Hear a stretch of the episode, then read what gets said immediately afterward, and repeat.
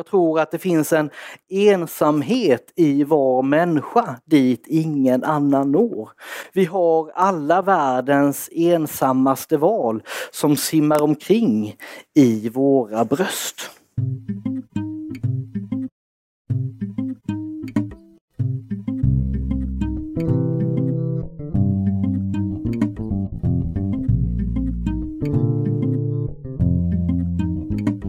Hej, det här är podcasten Social by Default tillbaka med en påskspecial.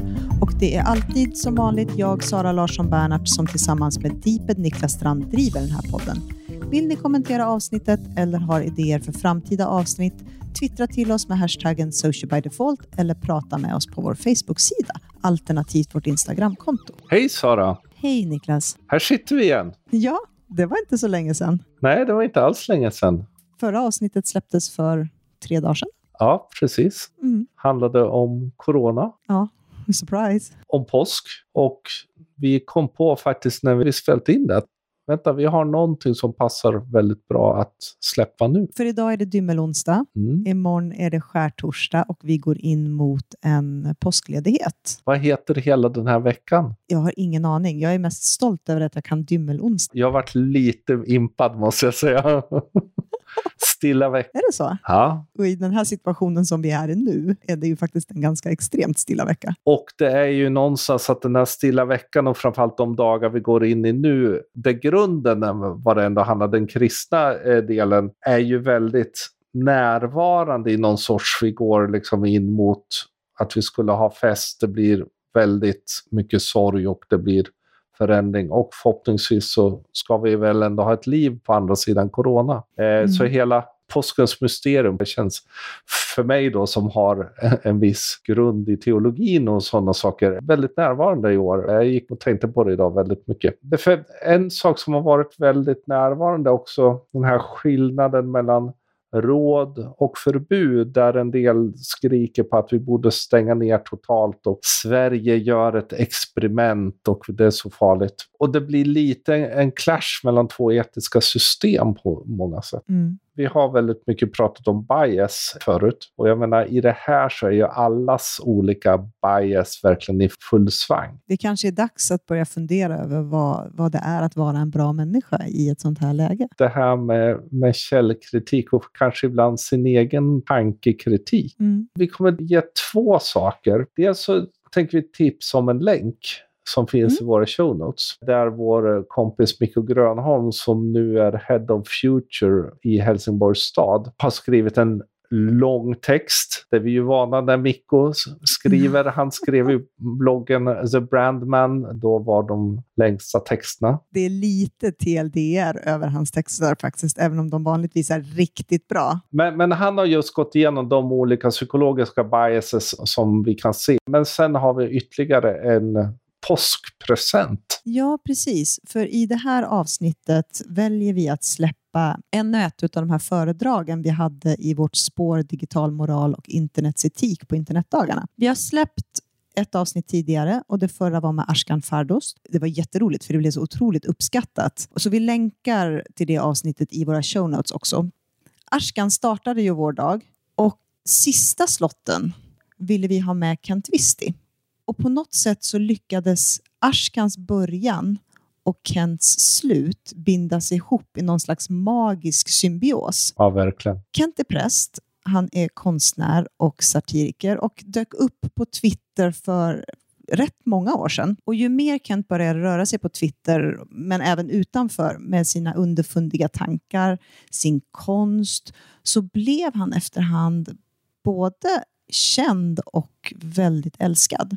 Men också hatad. Men framför allt älskad. Men lite hatad. Men alltid med liksom en djup respekt i mötet med människor. Även de människorna som han häcklar med sina finurliga spetsfundigheter och illustrationer. Så om man har en dag som handlar om digital moral och internets etik där de grundläggande målen med dagen handlar framför allt om att skapa tankar och fler frågor än att faktiskt hitta svar, så fanns det faktiskt inte någon annan vi skulle kunna tänka oss som var bättre att avsluta den här dagen än just Kent Wisti. Tack så jättemycket och tack så fantastiskt jättemycket för inbjudan att få vara här och prata men också att få, få delta på dagarna jag har haft. Eh, fantastiskt fint. Jag ska sätta på en, en timer här på min telefon för att när man när man då slår igång prästglappet här uppe så, så, finns det egentligen inget stopp. Så jag får ha lite koll på det. Men sen med senaste uppdateringen här så kan man liksom inte ta bort det här med skärmsläckningen så jag kommer att peta på den ibland. Men det får ni stå ut med. Eh, jag tänker mig att de här närmsta 20, 25, kanske 30 minuterna så kommer jag mest att dela en handfull bilder om just vad, det, vad man skulle kunna tänka sig det är att vara människa överhuvudtaget. Ehm, och eftersom de är just bilder så tänker jag mig att de går att applicera på i stort sett allting men, men kanske idag allting vad gäller vår digitala verklighet. Och när jag själv då gör mitt avstamp i social media som är det där jag lever mitt, har levt en del av mitt liv, eh, så är det också utifrån det som jag gör mina, eh, som jag har min utgångspunkt. Det sägs att de tre enda formerna av organiskt liv, de tre enda arterna av organiskt liv som kan leva i världens samtliga klimat, samtliga världsdelar och med geografiska förutsättningar, så är det råttor, fiskmåsar och människor. Det är bara vi tre som kan överleva i samtliga klimat och i alla geografiska områden. Eh, vi kan leva i arktiska landskap, vi kan leva i öknar, vi kan leva i djungler och alplandskap. Men om vi då skulle se till den digitaliserade världen som ytterligare ett landskap eller ytterligare en klimatzon så är vi som människor tämligen ensamma om att kunna överleva där, om vi nu kan det. Än så länge så har vi inte sett några råttor eller fiskmåsar interagera i det virtuella. Men vi kan hålla det öppet inför framtiden tror jag. Vi förvånas hela tiden. Jag är också bildkonstnär och någon gång på 90-talet så gick jag eh, på konstskola i Göteborg. Och en kväll så dröjde vi oss kvar, en grupp studenter och en av eh, de gästande lärarna på skolan. Det fanns lärare som kom in eh, under kortare perioder. Och den här läraren berättade att han just hade kommit hem från en längre expedition han hade gjort uppe på Grönland. Och det här är mitten på 90-talet någon gång. Så när han hade varit ute där på sin expedition i mitten av 90-talet så var han helt utlämnad åt sig själv. Eh, den digitala tekniken var inte så välutvecklad då med satellitnavigering och radiomottagningar etc. Men han beskrev de här tre månaderna hur han hade levt på att klubba säl, hur han hade grävt ner sig i bivacker och levt i tält. Jag vet inte allt det här med friluftslivet. Den biten tyckte jag var mest skitjobbig. Eh, jag hatar friluftsliv, jag hatar naturen, jag tycker om dillchips och Die Hard ungefär. Men han beskrev den stora friheten och den stora ensamheten på ett väldigt fascinerande sätt.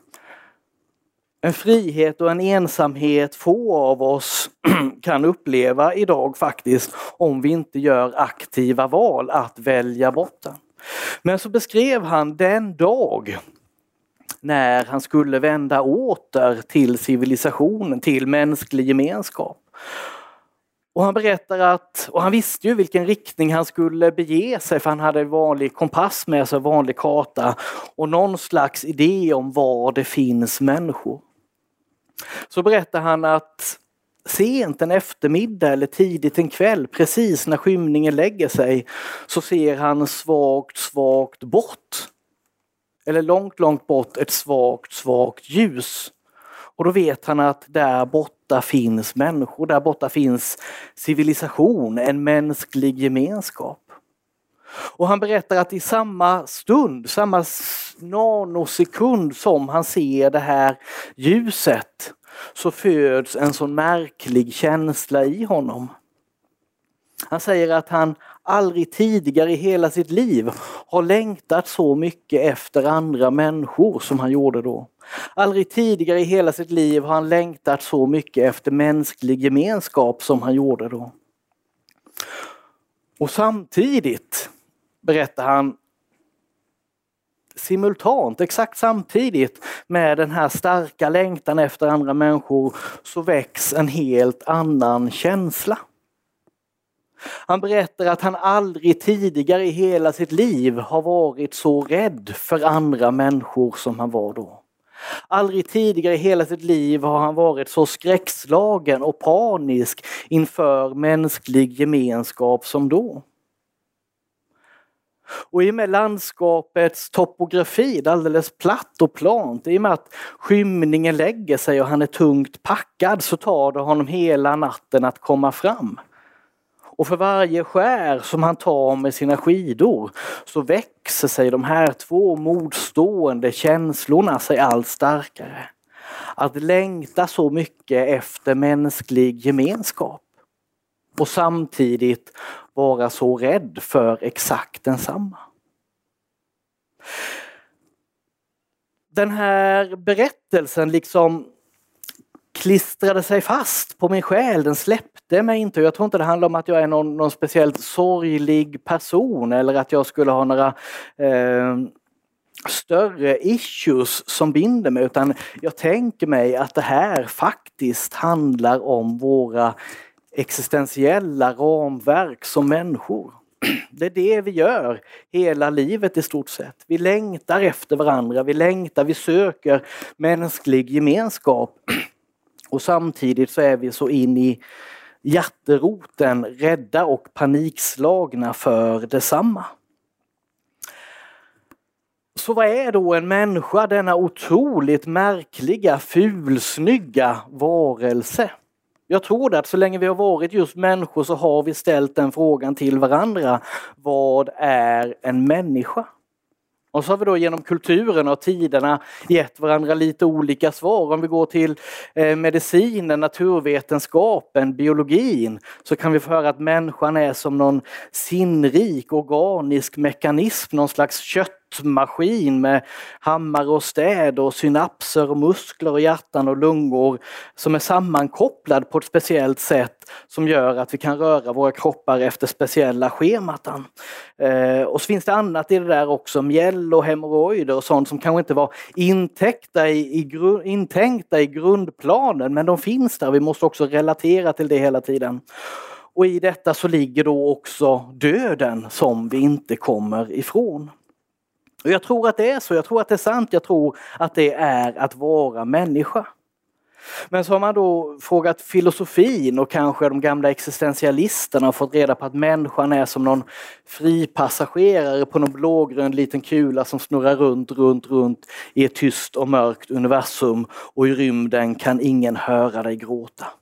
Att människan skulle vara dömd till att vara ensam. Och jag tror att det också är sant. Jag tror att det är det som är att vara människa. Men de här svaren räcker inte hela vägen fram. Vi har med dem i det vi har pratat om. Vad är människan i den digitala världen? Vad är människan i våra sociala interaktioner överhuvudtaget? Eh, vår längtan efter varandra och, och, och, och, våra behovsmönster som just biologiska varelser. Men de täcker inte in frågan vad är en människa? Idag, jag, jag, vi är inte den enda konferensen i huset har blivit varse. Jag är väldigt fascinerad av organisationen här. Jag skulle nästan vilja se en sån här dokusåpa om konferenscentret bara för att se hur de får ihop allting. Jo, men drivkraften i det, att vi faktiskt samlas här, är ju att människan det som utmärker oss som människor, som gör oss till människor, är att vi står i relation hela tiden. Relation till oss själva, det vi kallar för självkänsla, självförtroende, självbild etc.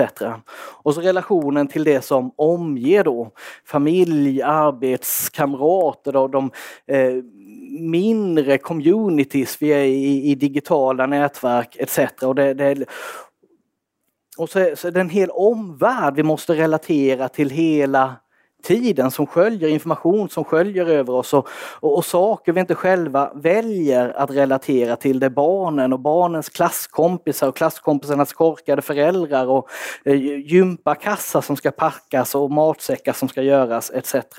Och så är det då relationen till det här större, eh, det, det som utifrån min vinkel gör att jag har en liten plastbit här, men det här större som har tiotusentals namn, alltså tillvarons yttersta angelägenhet. Eh, och det kan också handla om politiska övertygelser eller det kanske till och med är AI som kommer att bli den här tillvarons yttersta angelägenhet. Redan nu så finns det en växande rörelse som hävdar AI som en kommande gudomlighet, som ett kommande gudsrike. Och man har till och med börjat formulera en religion kring det. Men människan är ytterst en relationsvarelse och det är det första vi gör när vi föds. Då drar vi efter ett djupt andetag och så skannar vi av med våra ögon om det finns ett tillvänt ansikte, om det finns ett ögonpar som möter. Och då har man sett det, att finns det då ett ögonpar som möter vår blick precis när vi har blivit födda så upprättas någon slags grundtillit i universum. Men finns inget ögonpar, ingen blick som möter så har man kunnat uppmäta redan hos alldeles, alldeles nyfödda känslan av skam. Skam som en grundkänsla i att vara människa. Och det är det här som bildar vårt existentiella ramverk sen genom hela livet, tänker jag mig. Från vaggan till graven. Vår längtan efter tillhörighet. Vår längtan efter att existera i sociala sammanhang. Vår rädsla för detsamma. Och vår allra djupaste rädsla som människor, rädslan att bli avvisad. Spänningsfältet mellan autonomi och oberoende å ena sidan och tillhörighet och ömsesidigt beroende å andra sidan. Och det där är en ekvation som jag tänker mig att vi aldrig löser.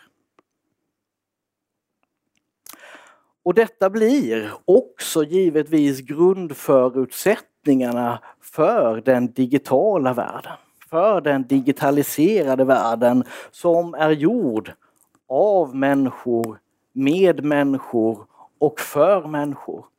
De här existentiella ramverken som jag har målat upp kommer vi inte ens att kunna bygga bort digitalt. För ungefär 20 år sedan, lite drygt, så hörde amerikanska marinen och samtidigt en grupp amerikanska fältbiologer märkliga ljud på sina hydrofonupptagningar. Eh, man sänder ju ner mikrofoner så att man hör vad som händer under vattnet och, nu dök det upp någonting som man inte kände igen, någonting man aldrig hade hört förut. Så man la ner stora resurser, både ekonomiska och personella för, för, för marinen, eller tänkte ju sig att nu, nu har ryssen en ny undervattensfarkost. Marinbiologerna eh, var väl mer fascinerade och spända tänker jag mig. Men ganska snabbt så insåg man att det här ljudet har vi ju hört förr, det här hör vi dagligen och ändå så är det någonting som sticker ut. För det man hörde var valsång och det hör man hela tiden, ni vet valar sjunger på ett sätt som gör att de kan kommunicera över hela oceaner och halva jordklot. Men det var någonting i den här valsången som stack ut. Alla andra valar sjunger i frekvensen 19-20 hertz ungefär. Just den här valen sjöng i 52 hertz, i en helt annan frekvens. Och varför vet man inte, man tänker sig att den kan vara döv eller ha missbildade sångorgan eller någonting, men den sjöng i 52 hertz, vilket innebär att ingen annan val kunde höra den sjunga och således heller inte svara.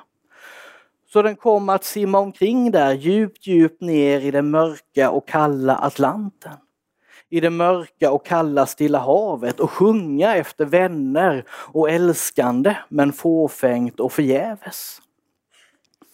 Den har kommit att kallas för världens ensammaste val.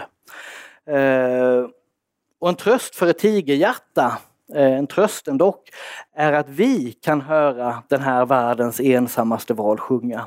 Den har nämligen en egen hemsida.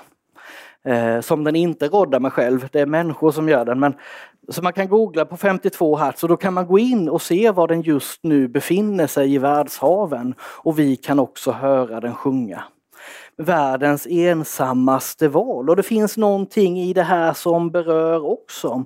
Och jag tror att här har vi motorn i vår sociala media. Jag tror att det finns en ensamhet i var människa dit ingen annan når. Vi har alla världens ensammaste val som simmar omkring i våra bröst. Så i de tre stora världsreligionerna så beskrivs i mytologins form det allra första brodersmordet som sker mellan Kain och Abel. Och I och med att det är mytologins form så skulle man också kunna säga att den beskriver alla brodermord i alla tider överallt.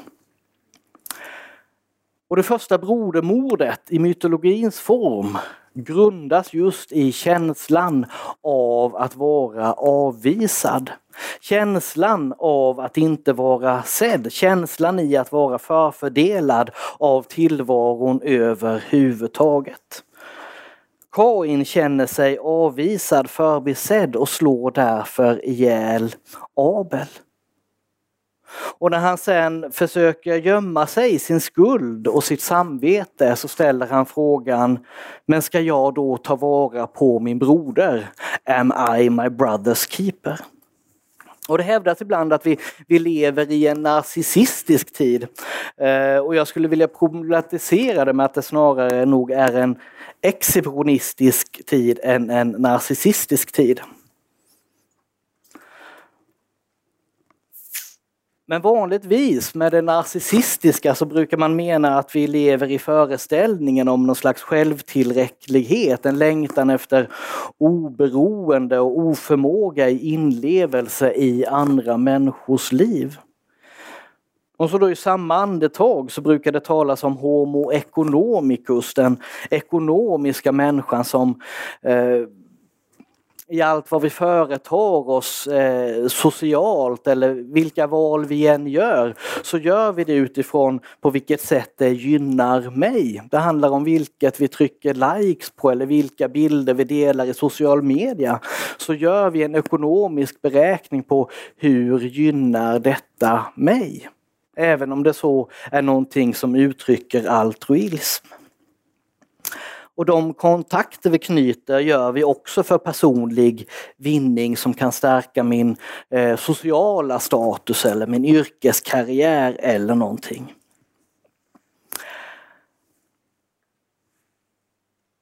Men om det här som jag nyss beskrivit eller det som vi pratar om med den narcissistiska människan eller den exceptionistiska människan eller den ekonomiska människan så skulle jag nog snarare vilja tala om den ensamma människan. Bilden av sig själv eh, som snarare blir en besvärjelse än en spegelbild här på de platser i tillvaron där det faktiskt inte finns någon blick som möter. Och det är allt i oss som är halt, otillräckligt, lytt och krokigt blir ett hot mot hela vår existens i vår längtan efter varandra. Så simmar vi omkring där på Facebook, Instagram och Twitter och sjunger i våra 52 hertz. För jag tror det är det vi gör.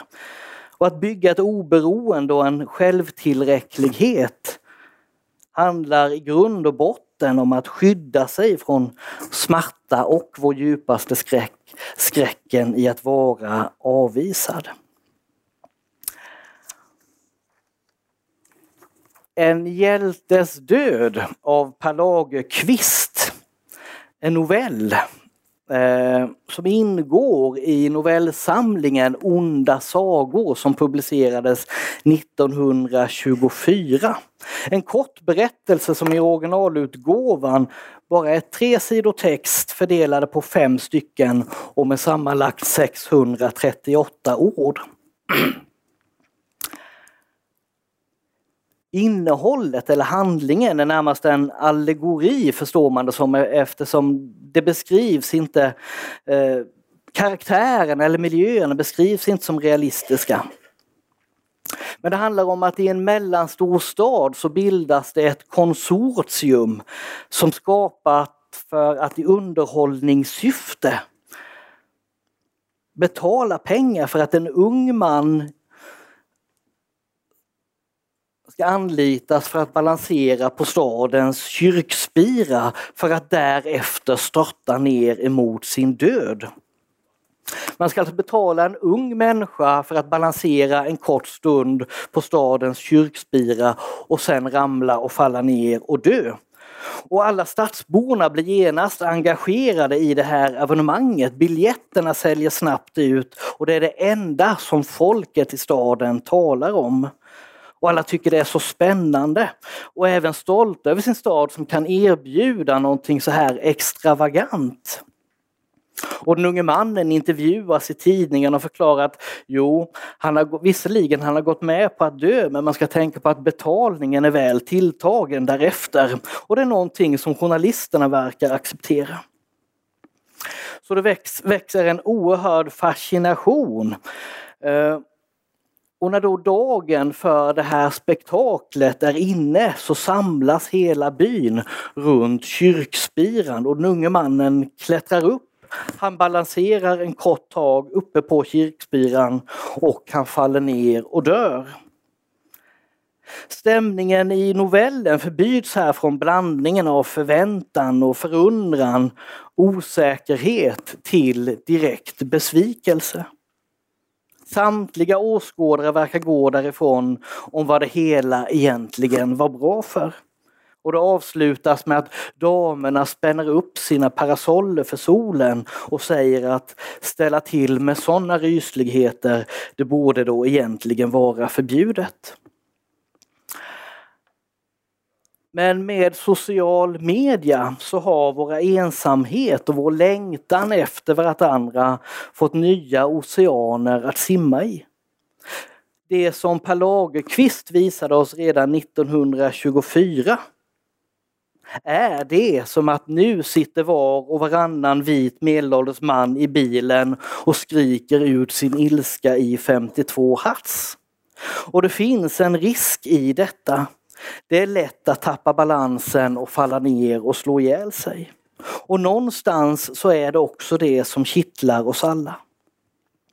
Den där inte allt för övervägda statusuppdateringen på Facebook med en alldeles för lätt bag-inbox vid sidan av. Och känslan av att vara avvisad som människa som kokar i blodet och vår feber efter att få höra till. Vi väntar på drevet och fallet och dunset från kyrktornet för att sedan vända oss om och besviket gå därifrån. Am I my brother's keeper? Skall jag ta vara på min bror? bror.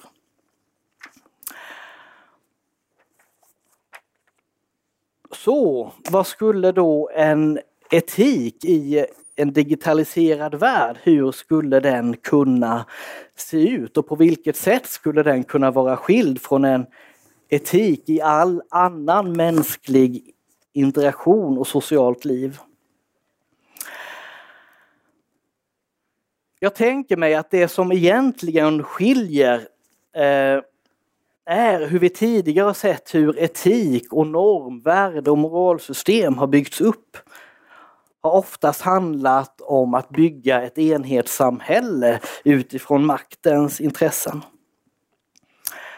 Den digitaliserade världen har helt andra förutsättningar och är snarare ett demokratiprojekt, åtminstone vid en första anblick. Vi kan tro att den är extremt demokratisk, snudd på en anarkistisk utopi eh, där vi alla är delaktiga långt utanför maktens intressen. Och det är ju vad de vill att vi ska tro, om jag ska uttrycka mig lite konspiratoriskt. All makt som vi känner den, politisk, kommersiell och militär, har intressen i det moral och etiksystem som nu växer fram mitt framför ögonen på oss. Och så tror jag att det egentligen inte är någon skillnad överhuvudtaget. Personligen så tror jag på berättelsen, jag tror på bilderna. Det som ibland kallas för narrativ etik och det som ni som kommer från PR-hållet eller marknadsföringshållet idag, som ni, som, som ni kallar för storytelling. Det är i berättelserna som vi människor alltid har hanterat det här grundläggande spänningsfältet som jag pratat om med längtan efter gemenskap och tillhörighet och rädslan för att bli avvisad. Den här olösliga ekvationen mellan autonomi och ömsesidigt beroende. Och det är egentligen det som alla berättelser som vi berättar handlar om. Från Gilgamesh-eposet via Bibeln, Fänrik Ståls sägner, Star Wars och Beverly Hills 90-210. Och så lägger vi in våra egna sjungna fåfängda 52 hertz i dessa berättelser om att vi vill bli sedda, få en bekräftelse på att vi överhuvudtaget existerar.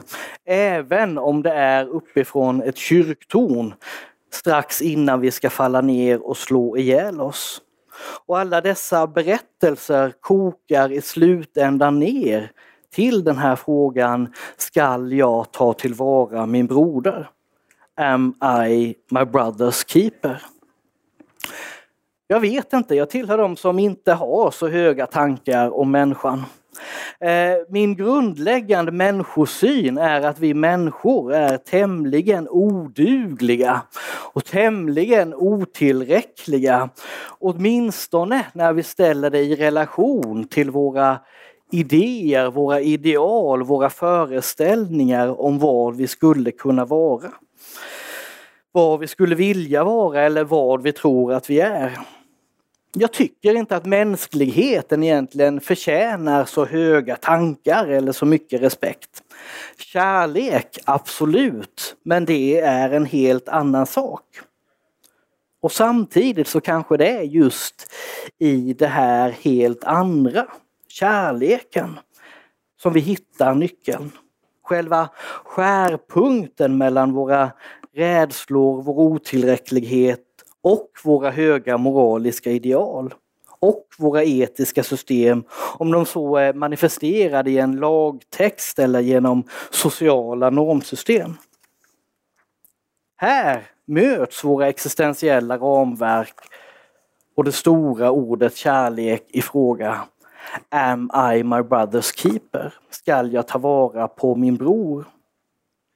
Den digitala världens etik som vi nu ser håller på att växa fram kommer att skapa värdesystem precis på samma sätt som värdesystem har skapats i de samhällen som vi känner sedan tidigare. Vi ser och kommer fortsätta att se olika maktinstitutioner stärka och bygga ut sina maktpositioner. Vi kommer att se rörelser och individer konfrontera dessa och vi kommer att få se parallella värdesystem växa fram vid sidan av dessa. För inget är nytt under solen. Men jag tänker mig att det är bara formen för exakt samma innehåll vi har sett i alla etik och värdesystem överhuvudtaget. Och det är hur människan fåfängt sjunger sina ensamma 52 hertz. Jag tror att jag blev inbjuden med uppdragen att komma med något hoppfullt och något trösterikt och någonting peppande som vi skulle kunna bära med oss. Eh, egentligen som det som jag lämnar efter mig är en stor uppgivenhet. Eh, jag tror inte att eh, den digitaliserade världen kommer att hitta någon ny etik för oss som kommer att ge oss det goda livet. Jag tror att vi kommer se samma förtryck och samma tillkortakommanden och samma otillräcklighet som alltid. Men i den här uppgivenheten så finns också kanske trösten och till och med hoppet. Vi människor har sedan så länge vi har varit människor varit exakt lika sorgliga i vår längtan efter kärlek. Lika ofullkomliga och otillräckliga. Det var vi i den innan världen var digitaliserad. Vi ser att vi är lika eh, sorgliga som människor i den digitaliserade världen. Och vi kommer att vara lika sorgliga och ställa samma frågor även i den postdigitala världen när den en gång kommer. Och det tycker jag är hoppfullt och trösterikt. Och ingenting är nytt under solen. Tack! det finns väl egentligen inte så mycket mer att säga efter det här. Tack för oss och hoppas att ni uppskattade det här föredraget. Och att alla får en vilsam, rofylld påsk med kanske lite mindre oro än vi har haft de senaste veckorna. Mm. Vi lägger in länkar i våra show notes och de hittar ni som alltid på podcast.socialbydefault.se. Glöm inte att prenumerera på oss. Vi finns på Spotify, Apple Podcaster, Soundcloud, Acast och Stitcher och det är bara att söka på Social by Default. Vill ni prata med oss så använd hashtaggen Social by Default på Twitter. Vi har ett eget Twitterkonto, vi har ett Instagramkonto och vi har en Facebook-sida. Och det är bara att söka på Social by Default. Vill man prata med oss personligen så heter jag Deeped överallt. Och jag heter Sanasi LB överallt. Glad påsk på er och hej då!